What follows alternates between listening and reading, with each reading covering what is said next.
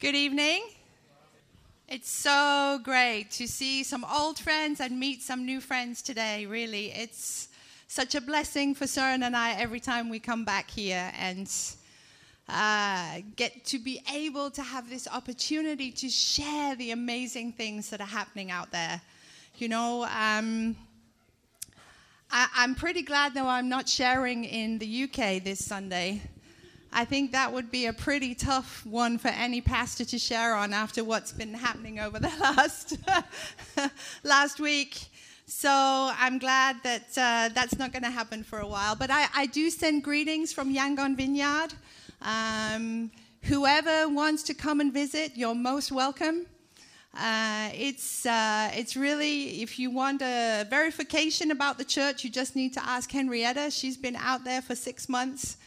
So, uh, if you're interested in coming and volunteering and getting involved or being an intern, then please speak with Casper or Helle uh, because we're very, very open to that. Uh, okay, so I'm gonna. I have so much to tell you about uh, that I can't possibly get it all in this this short time that we have together now.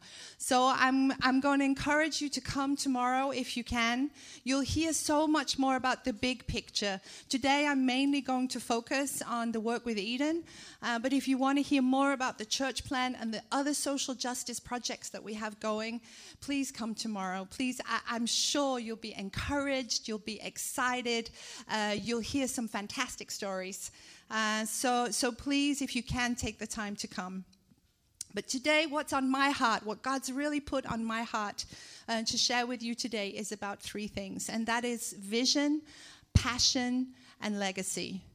Uh, vision is, is really, I think we should have a slide for that. Yeah? Yeah. Vision, where are you going? What do you want to do? Where are you going in your life and what do you want to do? Passion. How will you get there? How will you do it? And legacy. I, I think the Danish word Martin Lindhardt told me it was arv. Arv. Yeah, legacy. What will you leave behind? These are three things that I think are really, really important to think about and consider and ask yourself these questions. The Bible says very clearly that without vision, people suffer. Our lives don't have the meaning that is needed to move forward from here to there. We need to have a point that we're working towards. We need to have a goal, a purpose, something that is up ahead so that we can think about how do I get from here to there. Kingdom people absolutely need to be people of vision. I love the story of Nehemiah. I don't have time also today to share about the, the riches that are in the story of Nehemiah.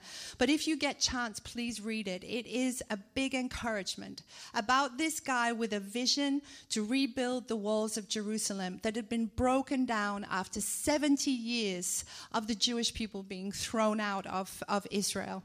There, there, there's this guy called Nehemiah. He's a slave. And his job was to taste the king's of Babylon's drinks before the king to make sure that he wasn't poisoned. Uh, so I would say that was a pretty, in those days, that was a pretty high risk and stressful job. Every time the king drank something, he had to take the drink first. And kings were always trying to be uh, poisoned at, at that time. Imagine, that's a stressful, you know, high risk job. But God tells, still spoke to him in the midst of that stressful, high risk job and called him and gave him a vision to rebuild the walls of Jerusalem. He was hundreds of kilometers away and he was a slave. What's the meaning that we can take from that? We have no excuse not to respond to vision.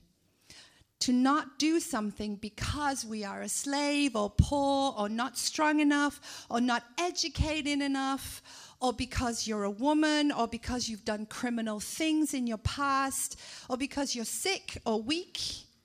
God puts vision in the hearts of men, women, and children all over the world. And we need to welcome vision into our lives and not limit God by our own understanding of what we are able to do, because vision comes from God.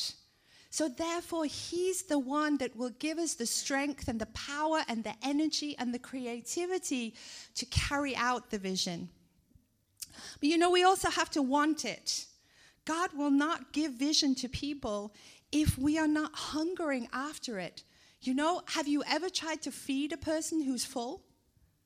Have you ever tried to do that? They don't want it. They're not interested in it because they feel, oh, I'm full. So, you know, it's the same spiritually. If spiritually we're kind of like, oh, just going along in the daily chomahom of life, and we're not asking God for more, we're not hungry, there must be more, God. There must be more to life than this. If we're not asking for that, if we're not seeking, God is not going to tap us on the shoulder and say, hey, would you like to have this vision here? something we need to be going after ourselves. That's our initiative. That's our responsibility. You know, um, for me, that began by asking God a dangerous question. But around 13 years ago, when we, when we went to China, I was a mom. I had three small kids. I had no knowledge about human trafficking at all. I had no understanding of the mafia or anything of the dark world that I was about to get involved in. But I was hungry to see the kingdom. I was hungry for more and asking God this dangerous question that we'll see a little more about on the film.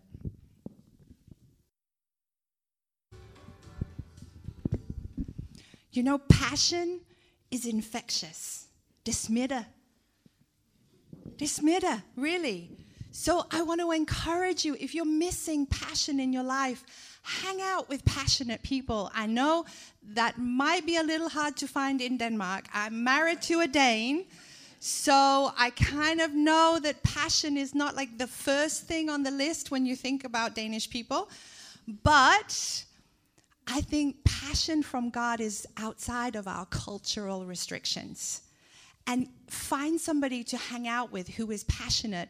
And not only that, if you don't have a vision yourself, then, then take opportunity to join somebody else's and get passionate about what somebody else is doing. You can join like the work of Mercy Outreach. You can join like the work with the homeless. You can join Plan A. You know, you, you don't have to just think about, oh, well, what's my vision for me?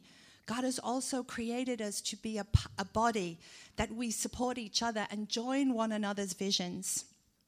So we arrived in Myanmar uh, three years ago. We'd done 10 years in China, and it was really, it was like starting at zero. Again, it was like, how do we start here? Myanmar is so different from China. You can't just take what you've achieved in one culture and expect it to instantly uh, be copy and paste into the new culture. It doesn't work like that. You have to go back to zero. You have to find out. So we go out into the areas and we see the difference between China and Myanmar is that it's not in the brothels like in China. Everything is out on the street. There's the street prostitution, there's the child trafficking, there's the, uh, the, the whole stuff is going on on the street.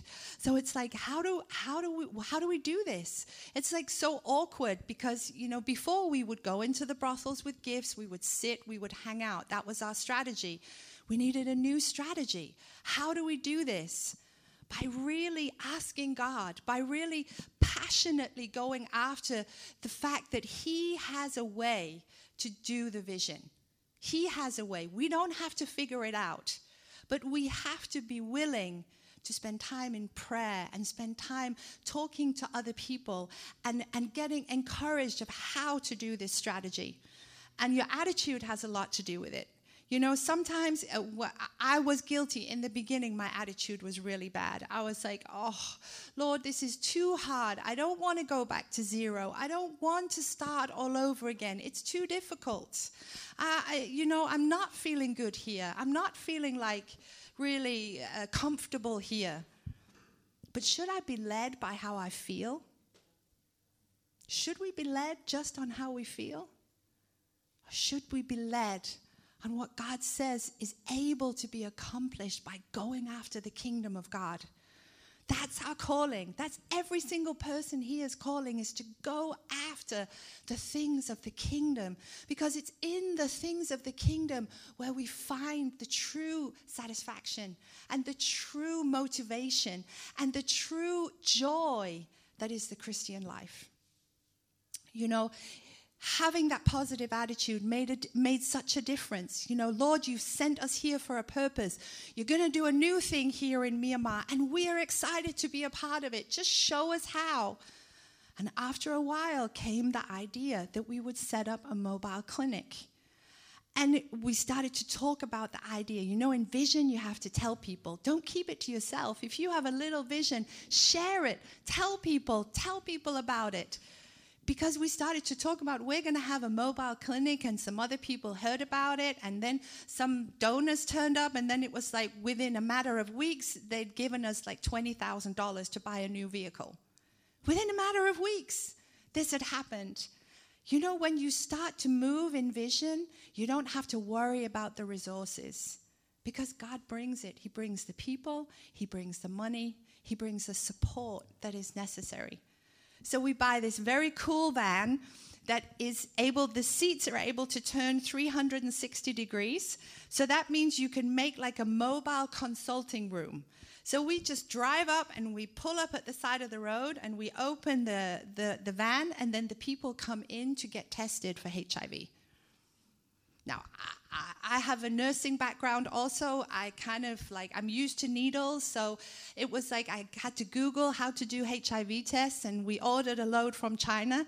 You know, also in vision, it's not about thinking too much, it's also about just moving in it and being willing to make mistakes. Sometimes we'll make mistakes. We can't be, you know, like just having everything perfect and having all of our ducks in a line. The willingness to make mistakes is part of also growing in the things of God. So when we start to do the HIV testing, and I'm thinking, this is great. This is a great strategy. We can be here. We can build relationship with the community. We can be accepted. This is a really great way to do things, God. I didn't see the big picture that God had. Number one was that each of those tests takes 15 minutes. So we have 15 minutes alone with each girl that is tested.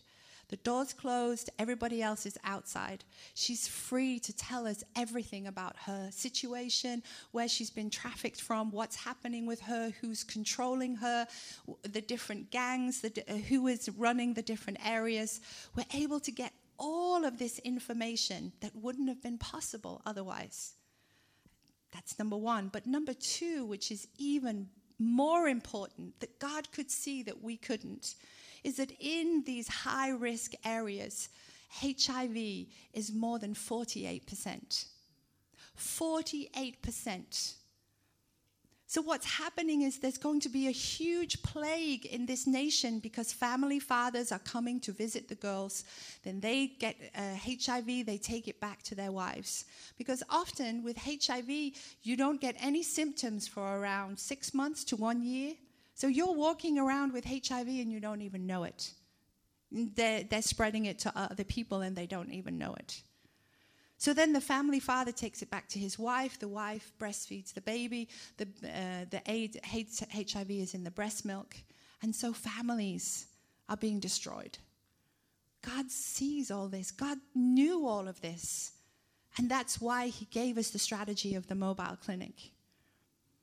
You know, there's also three important things to know in, in vision and moving with passion, and that is passion killers. You know, passion killers, there's like the first one is laziness. Not not having the motivation. You know, actually not being against the daily trummerum. To like kind of like just be going along with it. I remember my father in law said something really scary. He was a school teacher at Nexus School for 25 years. He said something like, Oh, you know, then just 25 years was just gone of just going to the same school every day, doing the same thing. You know, I don't think that's the life that God has called us to. I believe He's called us to an exciting, interesting life that we can live passionately and we can affect others by living our lives in that passionate way. So, laziness and no motivation is something that we really need to examine our, ourselves and think is that me? Am I lazy with the spiritual things of God? Am I lazy with the kingdom? Could I, could I actually do more? Could I actually give? The other thing is fear. You know, fear is such, a, it paralyzes you. Fear paralyzes vision. Fear stops the vision. It, it, it makes you think too much about the, the, the working of it and not enough about the one who gives you the vision. You have to get fear out of your life. You have to really work hard on it. And the third one is discouragement discouragement through being offended. So often, you know, we step up to do something, to volunteer, or to get involved in something, uh, you know, that is exciting with the church. And then we get offended because we're not encouraged enough, or we're not welcomed enough, or we weren't thanked enough for the things that we, we've done. And then discouragement comes in. That's why I love the story of Nehemiah because he faced such discouragement. So many people tried to get him off that wall. They mocked him, they threatened him, they intimidated him, they stole from him, they cheated him. And that sounds like one week on the mission field in Myanmar, by the way. They tried to slow him down, they tried to get him to lose his focus, but he passionately continued. In fact, he gave us a key to living a passionate life in the face of difficulty. It says that him and his team that were building, they, they were building with one hand and they had a sword in the other because there was so much coming against them. There were so many people. There was, they had so many enemies of the work. Now, I know that you live in Denmark, and, and you know, it's not, the devil is not something that people really like to talk about. But perhaps because I live in cultures where spiritual darkness is way more obvious than in Denmark, you know, I just want to say to you don't be fooled. The devil is working here, and he's trying to get you away from the vision. He's trying to bring distraction into your life problems and difficulties and stresses to get you to focus on the wrong thing. So when, when the idea from the mobile clinic came and people were like, oh, it's never been done before, you'll never get a team together to do this, they won't accept you, you'll never get permission, blah, blah, blah, blah, blah, blah. So much negativity against it. If we'd have listened to that, we'd have never moved forward in this plan that God had. But passion, like Nehemiah had, is about continuing in the face of difficulty, pain, stress, feeling like giving up. Did we feel like giving up? Weekly, sometimes daily. That's normal. It's normal to feel those things. Sometimes I think there's like a lie that we believe that we should have a pain free, stress free, trouble free life. But that's not real. That's not what Jesus said. Jesus said, actually, this life will be tough. This life will you will experience lots of trouble, but I'm with you. And don't let the tr- don't focus on the trouble. Focus on him. So we started the HIV, and it was like very exciting in the beginning. And I remember one of the first guys that we tested that tested positive. It's just like all of that world of suddenly this 19 year old young boy telling him that he had HIV. And, uh, and the reaction is that he didn't really understand what it was because so many people there, they, they, they don't know what HIV is. So you tell them they're positive and they don't even realize how serious that is because nobody's ever told them about HIV before. Nobody's been there to tell them about this disease and about what it does to you.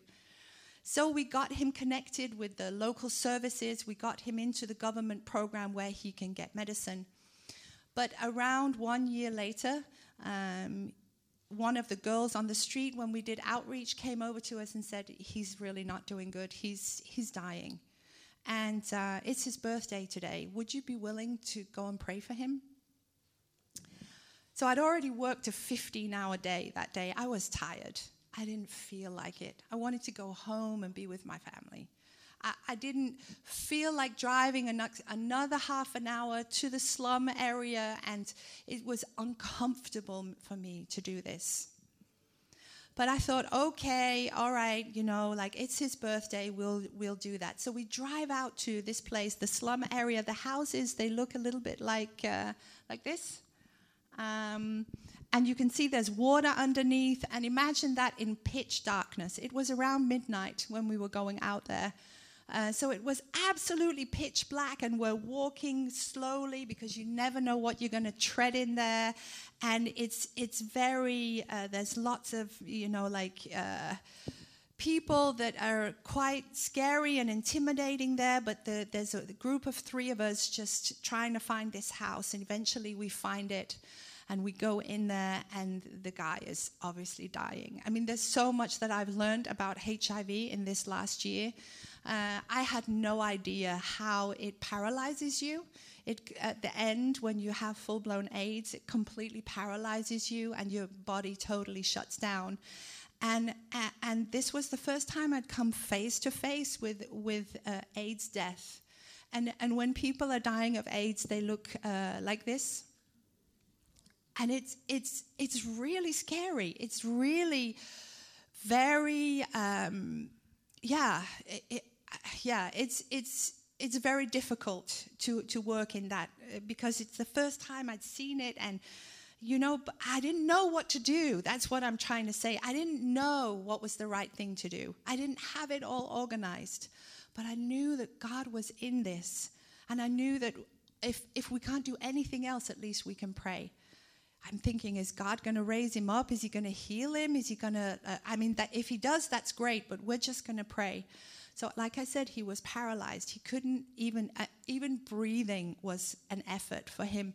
Uh, in, when we first arrived, he couldn't move at all. His, his, it, nothing he could move. So we started to pray for him, and then he was able, after around praying for him around 10, 15 minutes, he was able to just slightly move his hand like this. So when you were holding his hand, you could feel the movement in his hand. And he was able to hear us and he was able to respond. So my translator spoke to him and said, You know, do, do you want to receive Jesus in your life? And he move moved his hand. So we pray together with him. Are you ready to receive Jesus? Moves his hand again. So we pray for him, and it's so, the presence of God just fills this little shack. And we're just all just amazed that on his birthday, on the day, the last dying days of his life, God sends us as a team to go and pray for this man's salvation, that he goes to heaven. And that was just blowing me away, that thought. God, how considerate of you. You're just so amazing. And then after praying maybe half an hour, totally focused on this guy, then we look up and the whole shack is full of around 30, 35 people. 35 people in those houses is really not easy. And you can see that on legs, and the whole building starts shaking like this. So I'm sitting there and I'm looking at my team, and they're saying, Ah, it's not safe. It's not safe. So I'm like, Okay, it's not safe, but we need to preach the gospel. This is an opportunity. God has brought these people here. It's midnight, it's pitch black. This guy is dying, and yet there's 30 people hungry for what they've just seen with us praying for this guy. And the fact that he's not healed has not discouraged them. So we preach the gospel. And so many of them that night raised their hand also to receive Jesus into their life. So even though the situation looks so bad, God uses it to bring more people into the kingdom. The next week, 10 of them turn up on the back of a truck for church. And they just really enjoy the Yangon vineyard and they have a fantastic time there. And then they say, We want to be baptized. And so here's a picture of three of this guy's family a few weeks later getting baptized into the kingdom of God.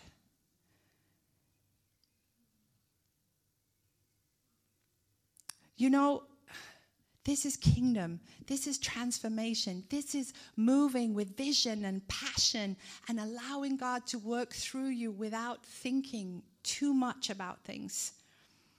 You know, there was there was another story uh, recently, and uh, again with the AIDS paralysis, which I didn't know about. Uh, a taxi driver knocked on the door of the workshop and said, "Hey, there's um, there's some guy in the car. He's saying he knows you. He can't walk. There's something wrong." So we go out to the car, and it's, he's totally paralyzed from the waist down. He, he can't move. We, kn- we know him from the outreach, so we know that only a few months before he was fine. But he said he, it had been getting worse and worse until this particular morning he couldn't walk anymore. So my team, they get in the car with him, they take him to the hospital. First hospital they go to. The de- doctor sticks pins in his legs. There's absolutely no response at all. He can't feel any pain. He can't feel any tickle the bottom of his feet. He can't feel anything at all. So they carry him to another hospital. All the time, my team are praying for him. This team, you know, that is a very young, new Myanmar team that have never ever seen anything like this in their life before but are moving in the new things of God. So they say, Oh, okay, we, we really should pray for him. So they're praying, praying, praying over him. And, and he, he start to feel a little bit better. He start to get a little more strength. So then he, um, they, the, the, after the, the third hospital, the third doctor says, there's nothing we can do for him. It's AIDS paralysis you, you just send him away to die, basically. He's, it will creep up all his body and it will take over, and then he, he just won't be able to move, and then he'll die. So then one of the team gets this great idea because they'd heard a story that is somebody laid somebody in front of the altar overnight and they got healed. So they have this great idea that they're going to take him into the church and lay him down in front of the altar. So they do that. They bring him into Vineyard Yangon, they carry him in, they lay him down. And then the whole team of uh, also the Eden girls and everybody starts getting involved in praying for this guy. Within 15 minutes, he stood up and walked.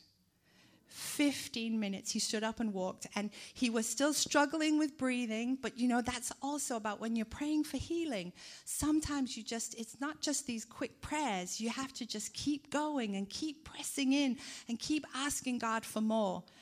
And by by the next morning he was completely healed completely and absolutely healed. He was walking he was breathing normally now, this is a great story, right? This is a true story.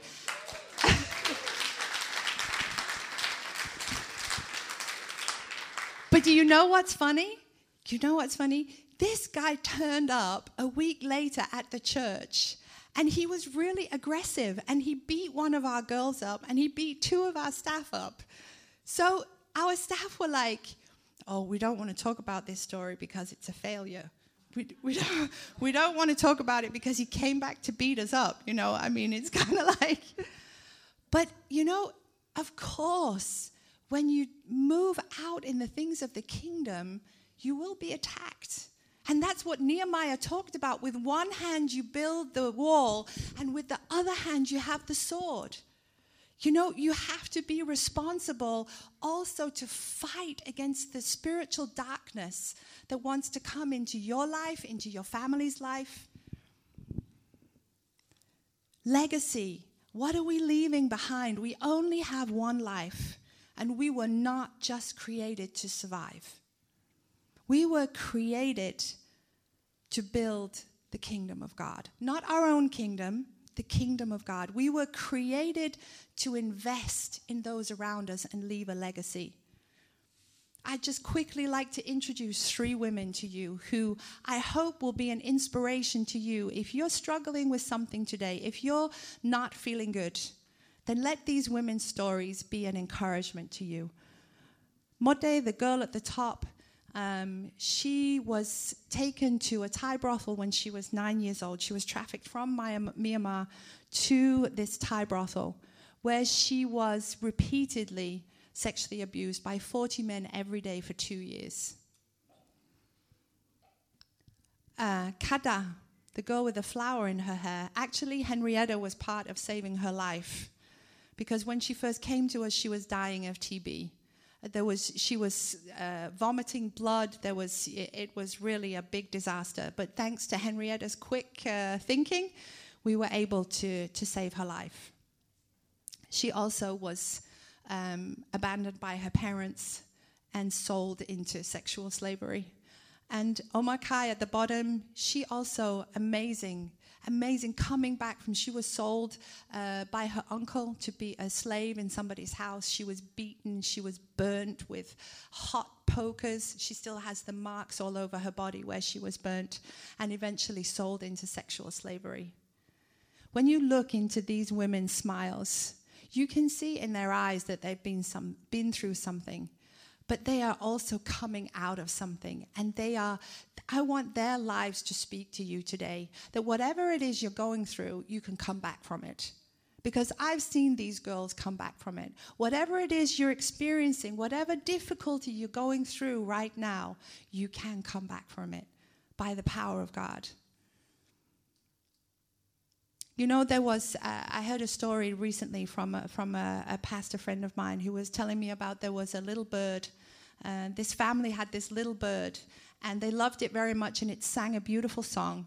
And one day, the woman of the house, she was cleaning with the vacuum cleaner, and she thought, oh, I'll just go in the bottom of the bird cage.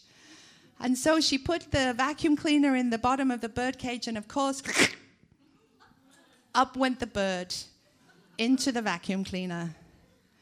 You know, so quickly she turns the vacuum cleaner off and she opens up the bag and she, um, uh, she's going around in all this dirt and she finds the bird and she brings it out and she dusts it off and she puts it back in and it's still alive, you know. So she's thinking, oh, that's great. She puts it back in, but it's lost its song. It doesn't sing anymore. And I feel that there's some people here today that have lost their song. There's some people here, you've been through that vacuum cleaner. You've been through it and you've lost your song. But God wants to speak to you today. He wants to renew vision in your life so that you can sing the song of the kingdom into other people's lives. He wants to encourage you.